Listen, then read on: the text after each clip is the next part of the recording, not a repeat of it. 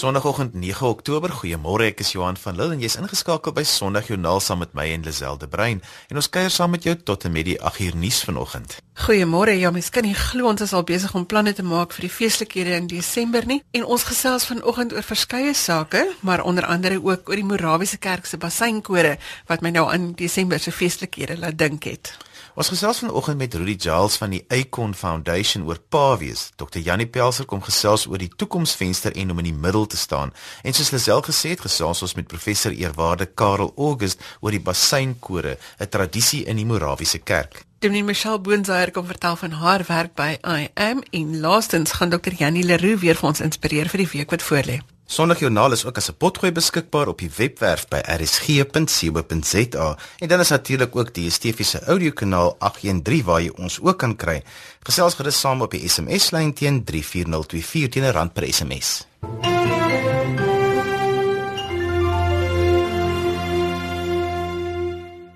Ons gesels vanoggend met Dominee Janie Pelser van die Rand en Dal Prisma gemeente. Goeiemôre Janie. Goeiemôre. Baie baie dankie vir die geleentheid om saam te kuier. Jannie, vertel vir ons van die toekomsvenster. Wat is die agtergrond daarvan?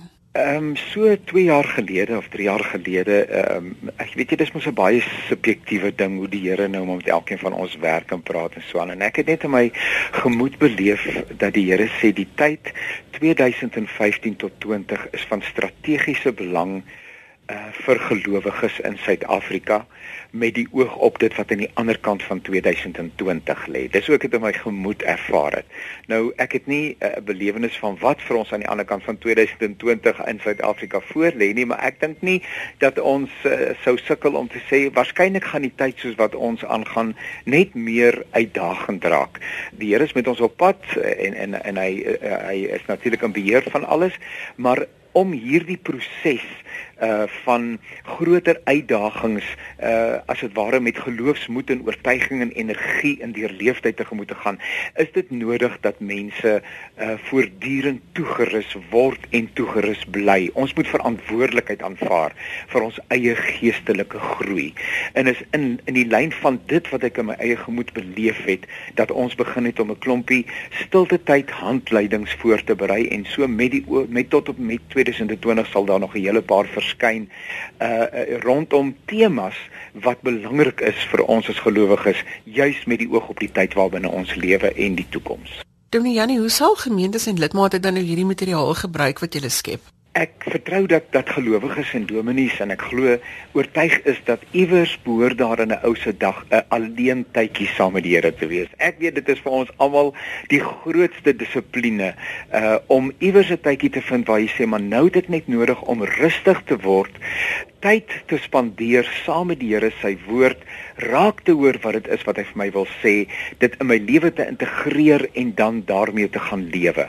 So wat nou gebeur is dat ons het nou uh uh, ons noem dit 'n 9 weke reis en daar's verskillende temas wat mense kan kies oor identiteit, oor disippelskap, oor uh, keuses en hoe mens keuses maak, oor uh, liefde vir mekaar en in die jongste tyd die Heilige Gees byvoorbeeld wat Elsa Meyer geskryf het. Maar so 'n uh, tema uh, word oor 'n 9 weke periode uitgepak, maandag tot Vrydag.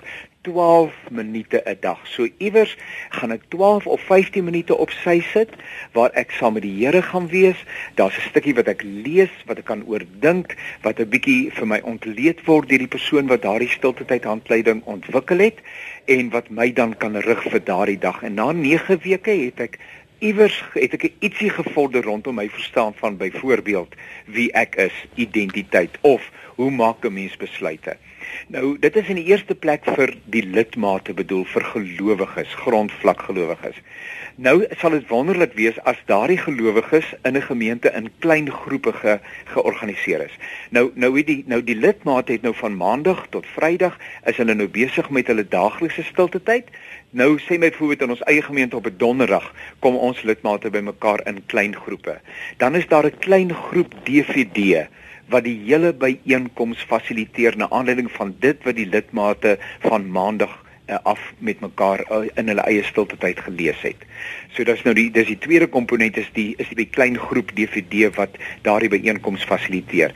En die derde ding is idealitair sê die dominee, maar ons is as gemeente op pad rondom hierdie tema. Dan is daar op die webwerf uh toekomsvenster.bybelmedia is daar volledige preeksketse wat vir oom Dominee gaan help om nog beter en nog meer raak uh rondom daardie tema te kan preek. Daarbenewens is daar ook op die webwerf is daar daaglikse blog inskrywings sodat 'n ou nie net jou eie stilte tyd materiaal lees nie, maar as jy nog meer wil weet, dan gaan jy na die webwerf te toekomsvenster.bybelmedia en daar's uitstekende blogs daaglikse blogmateriaal wat vir 'n ou begelei rondom daai tema. Dit klink vir my lekker want ek kry gereeld vrae oor hoe kan 'n mens dit nou regkry om om jou stilte tyd in te rig om op bietjie daai fokus vir vandag te doen en hierdie is 'n manier om dit dan nou met uitgewerkte materiaal te doen. Maar Dominee, jy is ook betrokke by #inthemiddle. Dit is 'n ander inisiatief. Vertel ons daarvan. Baie baie dankie. Weet jy, ek dink eh, veral in die tyd waarin ons lewe beleef mense dit toenemend. Ek dink dat ek wil hulle noem middelgrondmense. Jan en alle man, nê? Nee? Gewone mense is so moeg en uitgeput van politiek en worstel en beklei en verskil en stry en debatte en ag hierdie goeters is moeisaam. En ek dink die oorgrootste meerderheid in Suid-Afrika met name gelowiges sê kan ons nie net aangaan met die werk nie? Kan ons nie net aangaan om beslag te gee aan 'n Suid-Afrika en 'n konteks waarbinne daar vir ons en ons kinders en ons kleinkinders 'n gesonde, pragtige, rooskleurige toekoms uh beskore is nie. Ons wil klaar kry met beklei. Aan die linkerkant en aan die regterkant van hierdie middelgroep is daar die die opportuniste, die mense wat hierdie emosies van mense uitbuit vir hulle eie persoonlike gewin of dit nou finansiëel is en of dit polities is of watter ander redes ook al en so aan. Ou wil jouself losmaak van daai mense en sê ons wil fokus op die nuwe dag wat God vir ons in Suid-Afrika in gedagte het. En in die verband is daar op Facebook en ook by Twitter is daar 'n plekkie waar mense kan gaan kyk #inthemiddle uh, in die middel met ander woorde en daar kan 'n mens dan 'n bietjie agtergrond vind en dan is daar 'n 'n onderneming. Uh, nou dis nie 'n groot ding nie, dis 'n onderneming wat jy jouself aan verbind. Jy gaan lees hom en jy sê ek verbind my hieraan. Ek kry klaar met stry en beklei en ek gaan nou deel van die antwoord word, nie langer deel van die probleem wees nie. En uh, die manier waarop jy jouself daarmee assosieer is deur dit in daai mooi Hollands te like en te share. Sodat nog iemand bewus kan word daarvan en jouself voortdurend herinner ek is deel van 'n groeiende middelgroep. Weet jy Lisel as ek by die motorhawe stop of by die plaaslike uh, handelaar instap of by 'n staatsdepartement vind ek soveel warmte Ek is oortuig daarvan daar's 'n klomp mense wat sê ons wil klaarmaak met al hierdie gestryery. Ons verbind onsself om die pad van versoening en van medemenslikheid en van liefde en uiteindelik ook van Christus en sy betrokkeheid in ons lewens te stap. En dis waar daardie pledge, daardie onderneming met ander woorde inkom. En uh, so ons wil graag vir mense sê gaan kyk bietjie daar by #inthemiddle op Facebook uh, of andersins by Twitter en uh, dan uh, lees jy daardie pledge daardie ooreenkoms en dan sê jy dis wat in my hart lewe en jy like en share dit en jy weet maar ek het myself verbind aan iets wat deel gaan word van my lewe. Watter verandering dink jy gaan dit teweegbring Janie? Ek dink dat 'n ou moet besluit waarvoor staan jy. Nou uh, uh, ongelukkig is dit so dat die Hollandse complacency met ander daai traak my nie agtigheid is 'n verskriklik gevaarlike ding. Ou kan die politiek en die gestryery rondom jou kan jou as dit ware 'n stuk 'n roof rondom jou laat ontwikkel of 'n of 'n kors rondom jou ontwikkel wat sê maar luister ek onttrek in my eie ehm um, veilige sone in. Ek bou die mure rondom my nog hoër. Ek ek lees nie koerant nie, ek kyk nie TV nie, ek laat my nie ontstel nie, ek raak nie betrokke nie uh, en da, dan word daar 'n groeiende uh, onbetrokkenheid wat die lewe rondom jou nie verander nie. Ons het 'n verantwoordelikheid. Ehm um, uh, as as kinders van die Here om geboorte te skenk uh, en dis niks anders as koninkryke nie. Dis wie ons is. Ons is koninkryksburgers. God se koninkryk moet kom. Ons bid dit laat u koninkryk kom en om sy koninkryk te kom is om deel te wees van die antwoord, bewustelik te sê elke dag kies ek om deur my lewe en my optrede gestalte te gee aan hierdie nuwe toekoms wat God vir ons in Suid-Afrika vir ons kinders en ons kleinkinders wil gee. Ek verbind my daaraan en ek gaan myself telke male weer herinner daaraan. Ek gaan nie ingetrek en ingesuig word by die problematiek nie, maar as ek ek gaan wel op 'n positiewe wyse 'n bydrae lewer om Suid-Afrika op koers te kry uh, na 'n toekoms waarmee ons almal kan saamlewe. Janie, lekker positiewe goeders waarmee ons kan besig hou. Waar kan mense inligting kry? Ons het nou verwys na um, #in the middle in die middel en ook na die toekomsvenster. Waar kan mense die inligting kry? Toekomsvenster betref, mense kan navraag doen oor daai stiltyd handleidings, die DVD's, die preekmateriaal in Swan en sommer vir Drinie skakel. Nou op deur kantoor 1 natuurlik by 011 665 2017 665 2017. As iemand dalk nou daai nommer vergeet, toekomsvenster is mos nou maklik om te onthou, alles klein lettertjies. So jy gaan mos nou maar na info uh inligting met ander info by toekomsvenster .co.za en dan skryf jy net daar 'n briefie en sê asseblief maak met my kontak ek stel belang in die materiaal. Mense kan ook gaan kyk na die materiaal wat beskikbaar is by www.toekomsvenster of toekomsvenster.bybelmedia. So daar's 'n hele klomp plekke waarmee jy gaan navraag doen wat dit betref. Jy kry ook toekomsvenster op Facebook en jy kan dit ook daar gaan raakloop. So onthou maar net die woordjie toekomsvenster. Gelukkig is tannie Google so slim. Sy gaan vir jou definitief na 'n plek toe vat waar jy meer inligting kan kry. En dan wat in die middel betref, #in the middle, uh wanneer jy op jou Facebook bladsy gaan, dan tik jy hom net in daar op uh op op op search, net daar by jou by jou by jou soek uh plekkie en jy sit net daar so in the middle, #in the middle en hy gaan onmiddellik vir jou pad vat na die plekkie toe waar die inligting is en dan ook daai verbintenis waarna jy jouself kan verbind. Janie baie dankie vir die samegesels vanoggend. Dit is 'n groot voorreg. Baie dankie vir die geleentheid. En so gesels Dr. Janie Pelser van die Rand en Dal Prisma gemeente. Net weer Drinie se kontaknommer, dit is 011 655 2017. 011 655 2017 of Google eenvoudig net toekomsvenster. Goeiemôre as jy sopas ingeskakel het. Jy luister na Sondagjoernaal saam met Lisel en Johan. Rudy Giles is van die Icon Foundation en ons gesels vanoggend oor pa wees. Goeiemôre Rudy. Goeiemôre Lisel. Rudy, wat doen die Icon Foundation? Wel, Icon Foundation is 'n nuwensgewende organisasie um, wat aan al nege provinsies werk en ons glo om om mense te bemagtig um, sodat hulle hulle self kan help.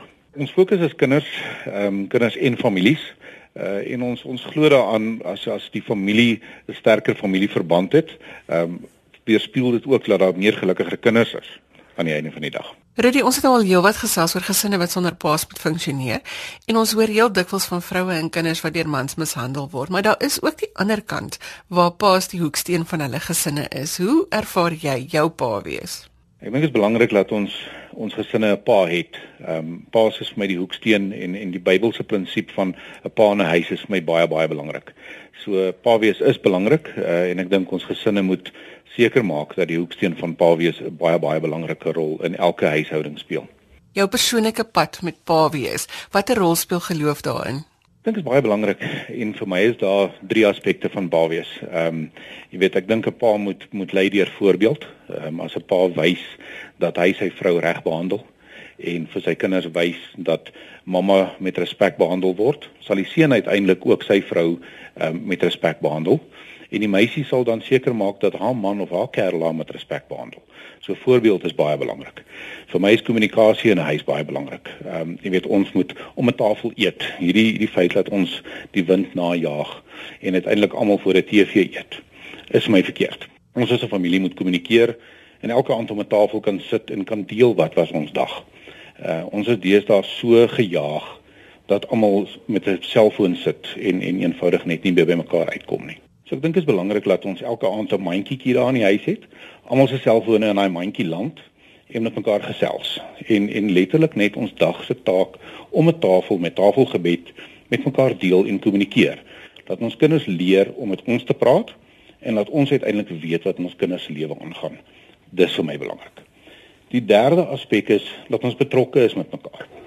Ons moet weet dat ons daar is vir ons kinders en dat ons kinders daar kan wees vir ons weet ek sien soveel keer in winkelsentrums dat 'n kind wil net vir pa gou ietsie wys.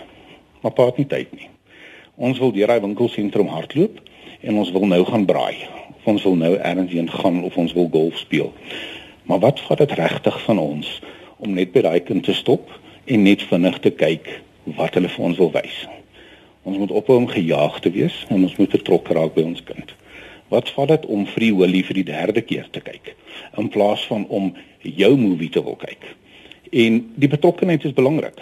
Ehm um, jy weet in in 5 of 6 of 8 jaar se tyd is die kind nie meer in die huis nie. En dan wil ons wonder hoekom was ons nie betrokke nie. En ons moet daar wees. Ons moet letterlik daar wees vir ons kinders en ons moet God se grootste geskenk eenvoudig net treasure. En ek is nie hierdie verskriklike geleerde ou om te sê dit is wat moet gebeur nie, maar die leerskool van die lewe het my gesê kom ons treasure God se grootste geskenk met voorbeeld, met kommunikasie en met betrokkenheid. Dit was nou lekker praktiese raad vir gesinne en vir paas om te funksioneer in hulle gesinne. As pa, waaruit put jy jou krag? Het, het jou verhouding met God as pa? Vertel ons daarvan. Sjoe, ek dink dit kom maar van van kind wees. Ek het 'n baie gelukkige kinderlewe gehad. Ehm um, my ouers was baie baie gelukkig getroud. Ek het 'n pa gehad wat my gesê het, jy weet, leef soos wat God vir ons gesê het om te lewe en hy het gelei met voorbeeld en dit kom af van kinderdae en en ek is nou bitter gelukkig getroud en um, ek en my vrou lewe daar en ons lewe vir ons kinders. So dit word maar 'n leefstyl en 'n uh, ou probeer dit maar toepas. Jy weet ons almal het maar voete van klei, so niemand is perfek nie. Maar 'n ou probeer maar 'n Bybelse prinsipel naleef en mens probeer maar absoluut net dit toepas van dag tot dag. In die werk wat jy doen, sien jy hoe belangrik die rol van 'n gesin is, van 'n ma en 'n pa en van balans in die gesin. Absoluut. Absoluut. Weet jy, ehm um, daar word gewys en ek dink dit kan statisties bewys word dat daar waar daar nie 'n vaderfiguur in die huis is nie, is daar definitief 'n groot tekort. Ehm um, mamma kan regtig hard probeer en daar's soveel mammas wat regtig baie hard probeer om dit reg kry maar ek dink die vaderfiguur moet tog daar wees. En en pappa moet probeer om daai daai leemte te vul soveel as wat hy kan. En ons moet probeer om die familieverband, selfs die kinderwet, maak voorsiening dat 'n kind in familieverband moet voorsiening gemaak voor word en dat daai familieverband meer en meer verstewig moet word. Rede as mense meer wil weet oor die Icon Foundation, waar sal hulle inligting kan kry? Ons webtuiste is www www.iconfoundation.org.za of ek kan geskakel word op 011 847 7730. Ons gaan dit net weer herhaal. Die nommer is 011 847 7730 of www.iconfoundation. Rudy baie dankie vir die samestelling vanoggend. Meer as welkom. Dankie Lisel vir die skakel. Lisel het gesels met Rudy Giles oor die positiewe sy van pa wees. As jy nou net ingeskakel het, sê ons goeiemôre. Jy luister na Sondag Joernaal saam met Johan en Lisel en agter die kontroles Neil Roo. Gaan maak gerus 'n draai op RSG se webblad by rsg.co.za vir inligting oor vandag se gaste en soos gewoonlik kan jy ook dieselfde inligting kry op ons sosiale media. Ons gesels vanoggend met Michelle Boonsaier oor Inclusive and Affirming Ministries. Goeiemôre Michelle. Môre Lisel. Michelle, gee vir ons agtergrond van I am. Ons is nou in ons 22ste jaar aan die gang waar ons op die vasteland of op die op die Afrika vasteland werk. Ons visie is om geloofsgemeenskappe reg oor Afrika wat lesbier, gay, biseksuele mense, trans mense, intersex mense dat hulle verwelkom word en bevestig word in hul geloof sodat hulle ten volle kan deelneem in geloofsgemeenskappe. Dis ons groot visie en sodat hulle kan sterk staan in hul geloofslewe en hulle gender identiteit en hulle seksuele identiteit as mense. Speel jy 'n ondersteuningsrol? Ons speel daar's twee rolle wat ons speel. Ons speel 'n ondersteuningsrol, maar ons ontwikkel ook hulpbronne. So ons ontwikkel hulpbronne rondom hoe lees ons die Bybel, hoe lees ons die Bybel kontekstueel en dan bied ons ook werkswinkels aan om mense te versterk in hulle in in hulle seksuele oriëntasie, gender identiteit en spiritualiteit. Ons bied ook ruimtes van dialoog waar mense kan dialoog voer met mekaar. Mense wat LGBTI is, dis nou lesbier, gay, bi, trans en intersex. Dis die akroniem wat ek ook vorentoe gaan gebruik waar LGBTI mense met heteroseksuele Christene in gesprek kan tree en sê dis wie ons is dat mense nie meer oor mekaar praat nie maar met mekaar praat dat ek die storie van iemand hoor en die hartklop van iemand hoor wat 'n lesbier Christen is en wat op reis is met God. Al kom ons sê 40 jaar lank op reis is met God. En dat ek glad nie meer oor die persoon praat nie maar met die persoon in jou oë kyk en jou storie jou geloofsreis met God hoor. Want hulle sê kennis is mag. Dit maak tog 'n verskil as jy weet wat aangaan. Dit maak 'n groot verskil en dit maak ook jou kop 'n bietjie oper. Deel van ons proses is dat ons As ek in 'n gemeente gaan en al wat gebeur is dat iemand se kop nou 'n bietjie oper is, net 'n millimeter geskuif het, dan het ek my werk gedoen. Dat iemand se kop net oop gaan en sê my manier van wees en doen en glo is dalk nie die enigste manier van wees en doen en glo nie, maar daar is tog 'n ander manier ook. Kom ons kom gou terug by die organisasie. Julle het vier programme wat julle nie net in Suid-Afrika uitrol nie, maar ook in Afrika. Ja, kom ek noem net die lande waar ons werk. Ons werk in Suid-Afrika in verskeie denominasies. Ons werk in die gereformeerde denominasies, meestal die NG Kerk en die VG Kerk, en dan werk ons ook in die Methodiste Kerk. Ons werk met die Anglikane, ons werk in die Presbyteriaanse Kerk en dan op uitnodiging na ander denominasies ook. En op die res van die vasteland werk ons in Malawi, in Zambia, Uganda, Lesotho, Namibia, Kenya, and Zimbabwe. En wanneer ons in ander lande gaan werk, gaan ons nie en sê ons het hierdie waarheid en ons kom nou vir julle oortuig van enigiets nie, of selfs wanneer ons in gemeentes werk, ons werk net op uitnodiging. Wanneer ons in gemeentes werk, deel ons ons metodologie oor hoe 'n mens luister na 'n storie, hoe 'n mens in dialoog tree met mense wanneer ons op die res van die vasteland werk, dan werk ons met organisasies wat alreeds daar besig is, wat alreeds daar werk, wat ondersteuning en versterking nodig het en baie keer ook opleiding nodig het rondom organisasiebestuur, maar ook oor wat dit beteken om LGBTI te wees en 'n Christen te wees. Want baie vir baie mense moet jy die keuse maak tussen jy's of gay of jy's 'n gelowige maar ons bied hierdie opleiding aan oor hoe kan mense dit integreer um binne 'n dialoogruimte. Ja, want mense het vir baie lank gesê jy kan nie die twee bymekaar bring nie. Ja, vir baie lank het ons hierdie hierdie onderskeid gemaak. Ja. Michelle, hoe lyk dit in die res van Afrika? Mense hoor nogal stories wat jou hare laat rys oor hoe mense ook in Afrika hanteer word. Dit is pynvol in die res van Afrika, dink ek. In baie lande word mense vervolg. Dit is onwettig om gay te wees en jou bure mag jou by die polisie gaan aankla as jy gay is. So dit is 'n dit is 'n hartseer ruimte om binne te werk. Baie van die organisasies waarmee ons werk is ondergrondse organisasies, so hulle mag nie hulle self bekendstel as 'n LGBTI advocacy organisasie nie en die manier hoe ons ondersteun is om vir daai organisasies te versterk.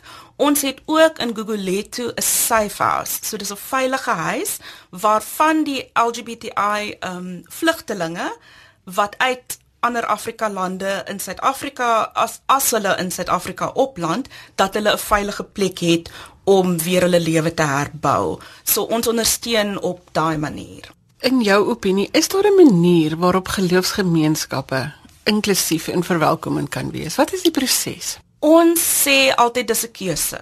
Dis absoluut 'n keuse dat jy inklusief wil wees. En as jy inklusief is op een punt. So as jy inklusief is van mense met gestremthede of van vroue of van dan verbreek jy jou inklusiwiteit. En wat ons sê is dat inklusiwiteit rondom LGBTI mense is hierdie verbreding van ons geloof en van wie hoe ons God sien. So dit is die groot ding. Ons wil graag oop en verwelkomende geloofsgemeenskappe stel. En die manier hoe ons dit sê, ek het nou alreeds verwys daarna, is om te begin om mense se koppe oop te maak. So ons ontwikkel materiaal wat die stories van gay mense vervat. So dis 'n DVD-reeks en dis boekies en dis um die stories van gay mense wat vervat is wat ons versprei aan die een kant, maar wat ons ook binne werkswinkel opset deel met mense. So dis die een ding, ons maak mense se koppe oop en dan sê ons as mense se koppe oop is en dan moet mense se harte oop ook oop gaan. En die manier hoe dit gebeur is wanneer mense in gesprek tree, die waarna ek vroeër verwys het, dat jy regtig die hartstorie van iemand anders se geloofsreis hoor en van hulle seksuele ontwikkeling en hoe hulle besef het maar ek is gay en dat ons nie meer die assumptions en die vooroordeele dat ons dit glo nie maar dat ons in dialoog tree met mekaar en nie oor mense nie. En dan sê ons dat wanneer mense oop is en hulle harte is oop, dan moet mense self, ek as individu moet bemagtig word om dan 'n agent van verandering te word. En dis dit gebeur mos in jou klein ruimte, in jou klein in jou familie, in jou selgroep, in jou Bybelstudiegroep, binne die kerkstrukture self en baie van die mense met wie ons werk funksioneer binne die kerkstrukture. So die dit gebeur op verskillende vlakke. So dis hoe ons sê hoe 'n proses werk. Dis dis eintlik so eenvoudig, maar so moeilik wanneer 'n mens met mense werk wat nie die keuse maak nie. Dis nie so maklik om iemand se kop te swaai nie. Dit is nie so maklik nie. En dit neem 'n proses. Soms wat neem jy 'n paar stappe vorentoe en dan gaan jy weer agter en dan moet jy maar by die proses bly, by die mense. Hierdie goed gebeur binne verhouding. Dis die een groot les wat ek in die 6 jaar wat ek by AM werk, dat wat ek geleer het. Dit gebeur binne verhouding. As ek nie 'n verhouding met met iemand het nie, het ek geen invloed nie. So al hierdie prosesse, die proses van om mense se kop oop te maak, mense se harte oop te maak, mense te bemagtig, dit gebeur absoluut binne 'n verhouding. Onkunde is 'n slegte ding.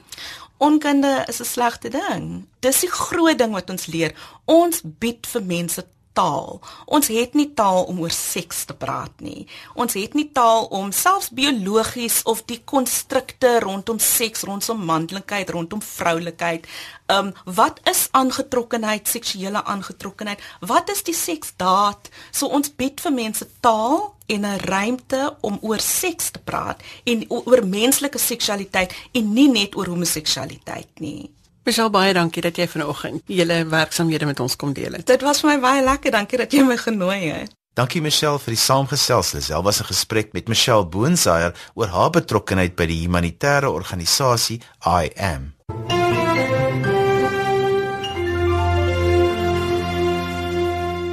Ons gesels vanoggend met professor Eerwaarde Karel August van die Morawiese Kerk oor die kerk se tradisie met die blaasorkes. Professor, goeiemôre.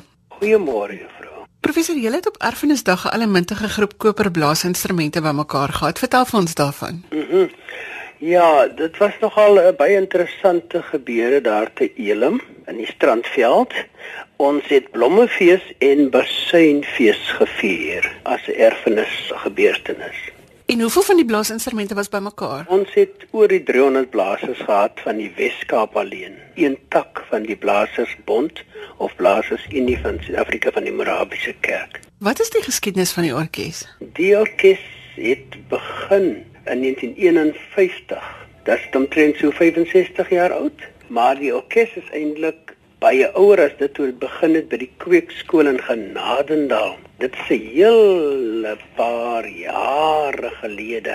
Daar was die kweekskool en daar het uh, meneer Alster, ja, hy was ook later eerwaarde Henry Alster, hy het daar begin met die met die pasiëntkoor as 'n jong man te Genadendal waar die Duitsers hulle natuurlik opgelei het en daarvandaan het die pasiëntkoor uh, eh, gesprei uh, na alle sendingstasies. Die eerste basenkoor by die kweekskool in Genade was 1922 onder meneer Henry Alster. Maar in 1951 het hulle besluit om 'n blasers unie te stig, 'n blasersbond en dit het te Lansdowne gebeur en te Clarkson in die Oos-Kaap en toe het hulle die die unie met die twee takke gestig. En die mense wat daar 'n uh, leidende rol gespeel het was die Bali broeders, Rudolf Bali veral en Mike Bali van die Oos-Kaap. Hierdie organisasie was van die begin af 'n kerklike instelling en het gefunksioneer onder die tema laat ons blaas tot eer van die Here. So uh, van die begin af was dit 'n kerklike instelling met 'n met 'n godsdienstige inslag gegrond op Psalm 150 waar daar staan loof die Here in sy heiligdom en dan onder andere loof hom met basuin geklank en so meer en so meer. So dis waar die orkes sy naam vandaan kry. BBSA die Blasersbond van Suid-Afrika. Net kortliks, maar eintlik die Morawiese Blaasersbond, so hulle is eintlik die BBSA. En nou het hulle ook volgens die musiekklanke het iemand nou so 'n uh, 'n signature tune vir hulle ontwerp. BBSA. So hulle hulle sal altyd ook wanneer hulle begin met die fees of afsluit met die fees die sleuteltoon aanhef. Professor, u was ook betrokke by die saamstel van die koraalboek vir die Basynorkes. Ja ja, ons het die koraalboek saamgestel. Uh maar dit het ook gebeur met die ondersteuning van die Basyn uh bond want hulle het dit gefinansier was nou net natuurlik 'n hernuwing van die korale want die ou koraalboek het uitdruk geraak en toe moes ons 'n nuwe een saamstel sodat die basyne altyd kon saamspeel in eredienste en by kerklike aangeleenthede. Wat maak van 'n persoon 'n goeie blaasorkes of 'n basynkoor speler? Ek is ook deel van hulle van my 11de jaar af. Is ek al deel van die basynkoor en ek geleer in Elim om basyn te blaas. Uh dit vereis natuurlik jou longe moet natuurlik mooi al ontwikkel wees. Kan nie te vroeg begin ook nie. En goeie instrument wat gereeld uh versien word, gediens word. Goeie lippe. Dit neem lank om die lippe geoefen te kry, jou longe, jou asemhaling. En dan natuurlik uh 'n musiekkennis. Jy moet note kan lees vanaf balknotasie. En uh daar's verskillende drukke Uh, ons praat van die absolute drukstelsel, daar is die militêre drukstelsel en die konsertdrukstelsel nog ander. Maar uh, jy moet die jou jou instrument se note taamlik goed kan lees. Daar is die voorstemme, daar is die agterstemme. Ek is natuurlik was op begin met bariton en later ek oorgeskakel na tweede trompet of kornet en later ook weer uh, kornet uh, trompet geblaas. Maar nou is ek weer terug en my asem is 'n bietjie swakker in die ouderdom. Professor speel die basynkoor 'n rol in mense se geloofsontwikkeling dink u? O ja, bepaald. Kyk, in die, in die voortyd was dit taamlik groot mense. Vandag het ons 'n massa oor die 500 in in die land van ons kerk uh jou jeugdiges wat in die basynkoor is natuurlik gekombineer met bejaardes, maar dames en mans almal al die geslagte. Grootliks het dit te doen met die geloof. Ons skep vir die vir die jeug 'n geleentheid om hulle binne die bassenkoor uit te leef. Daar is 'n bepaalde dissipline en 'n gedragskode, uh, maar ook ontspanning. En uh, hulle leer van die begin af, dis 'n manier om die aanbidding te bevorder en op te laat luister. So ja, elke tweede Sondag in in my gemeente in Kunsrivier, my seun is die is die uh, bassenkoorleier. So uh, hy het ook van kleins af betrokke gewees en hulle speel elke tweede Sondag begelei hulle die gesange en die aanbiddingsdienste en daar's 'n mooi dissipline. Die jeugdiges is 14, 12, 16 en natuurlik ouer. Professor doen hulle optredes buite die kerk ook. By verskillende uh, geleenthede benut hulle. Sommige is besig met uh, binne die kultuursaak van Kaapstad uh, gedurende die nuwejaarstye, ander uh, is on, ons koor het nou onlangs gespeel by Weskaap by professor Dyer se uh, geleente kultuurgeleentheid en Weskaap Universiteit en dan uh, toer hulle ook gereeld oor see. Die jongste groep was die Belwel Bassin koor wat in Tsjechoslowakye en Duitsland getoer het en daar verskeie groepe gaan oor see. So uh, hulle speel by verskillende geleenthede. Hulle speel nie net korale nie, hulle speel ook lekker uh, jazz musiek en allerlei tipe nou wat ek verneem is sommige van die spelers ook in die verskillende filharmoniese orkeste van Johannesburg en Kaapstad opgeneem. Ons is baie trots op hulle. Hulle is leiers ook in die vloot, in die weermag, in die gevangenisdiens, oral se leiers en dirigente tot in die simfonie simfonieke orkeste Johannesburg Kaapstad. So, ons is baie trots op hulle. Professor Baie, dankie dat u vanoggend die storie met ons gedeel het. My plesier, Juffrou De Bruin. En so gesels professor Eerwaarde Karel August oor die basynkore van die Morawiese Kerk. Jy luister na Sondagjoernaal waar ons godsdiens en geloof gesels en ons nooi jou uit om saam te gesels op ons SMS-lyn by 34024 natuurlik teen 'n rand per SMS. Jy kan ook vir Lazelle e-pos stuur by lazelle@wwmedia.co.za met kommentaar of as jy jou storie met ons wil deel, kan jy gerus vir Lazelle e-pos skryf. Ons het nog net tyd vir 'n paar woorde van inspirasie, Lazelle. Dis reg, Johan. Môre Dr. Leroux. Môre Lisel, noem my sommer Jannie. Dokter Jannie, jy gaan met ons gesels oor God se nuwe moontlikhede. Hoekom moet ons hieroor gesels?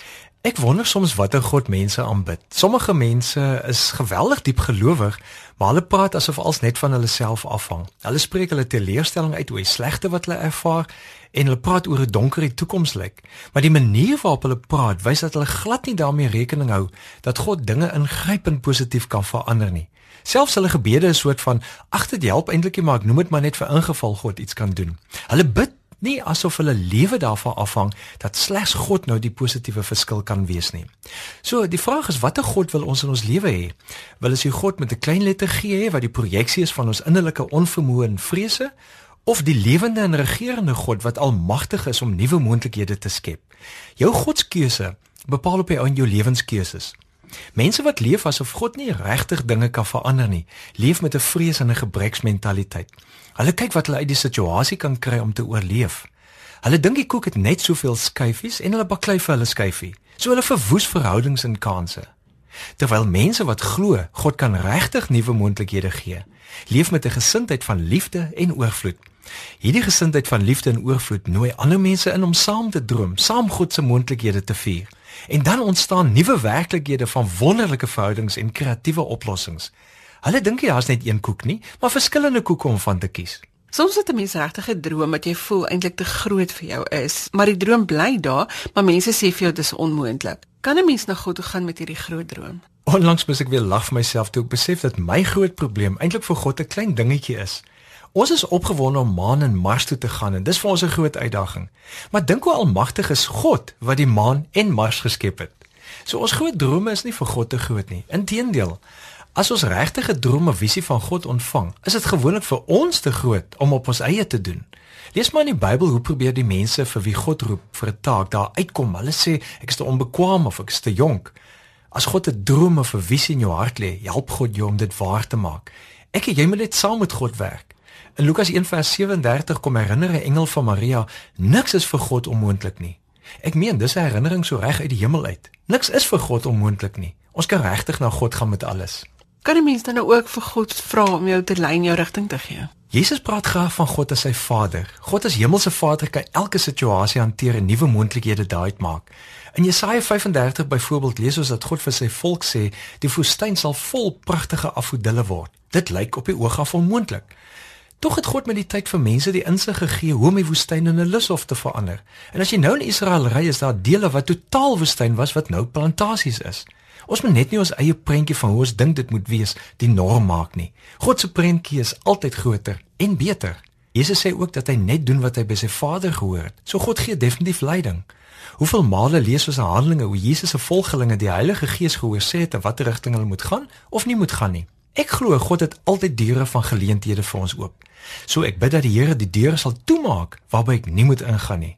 As iets dan nie uitwerk nie, herinner ek myself, dis die deur waarby ek nie moet ingaan nie. God die Heilige Gees is altyd in ons. So ons moet net gereeld 'n oomblik stop, diep asemhaal en vra: Heilige Gees, hoe gaan ek hierdie ene hanteer? As die antwoord wat jy hoor uit vrees is, is dit nie van die Gees nie.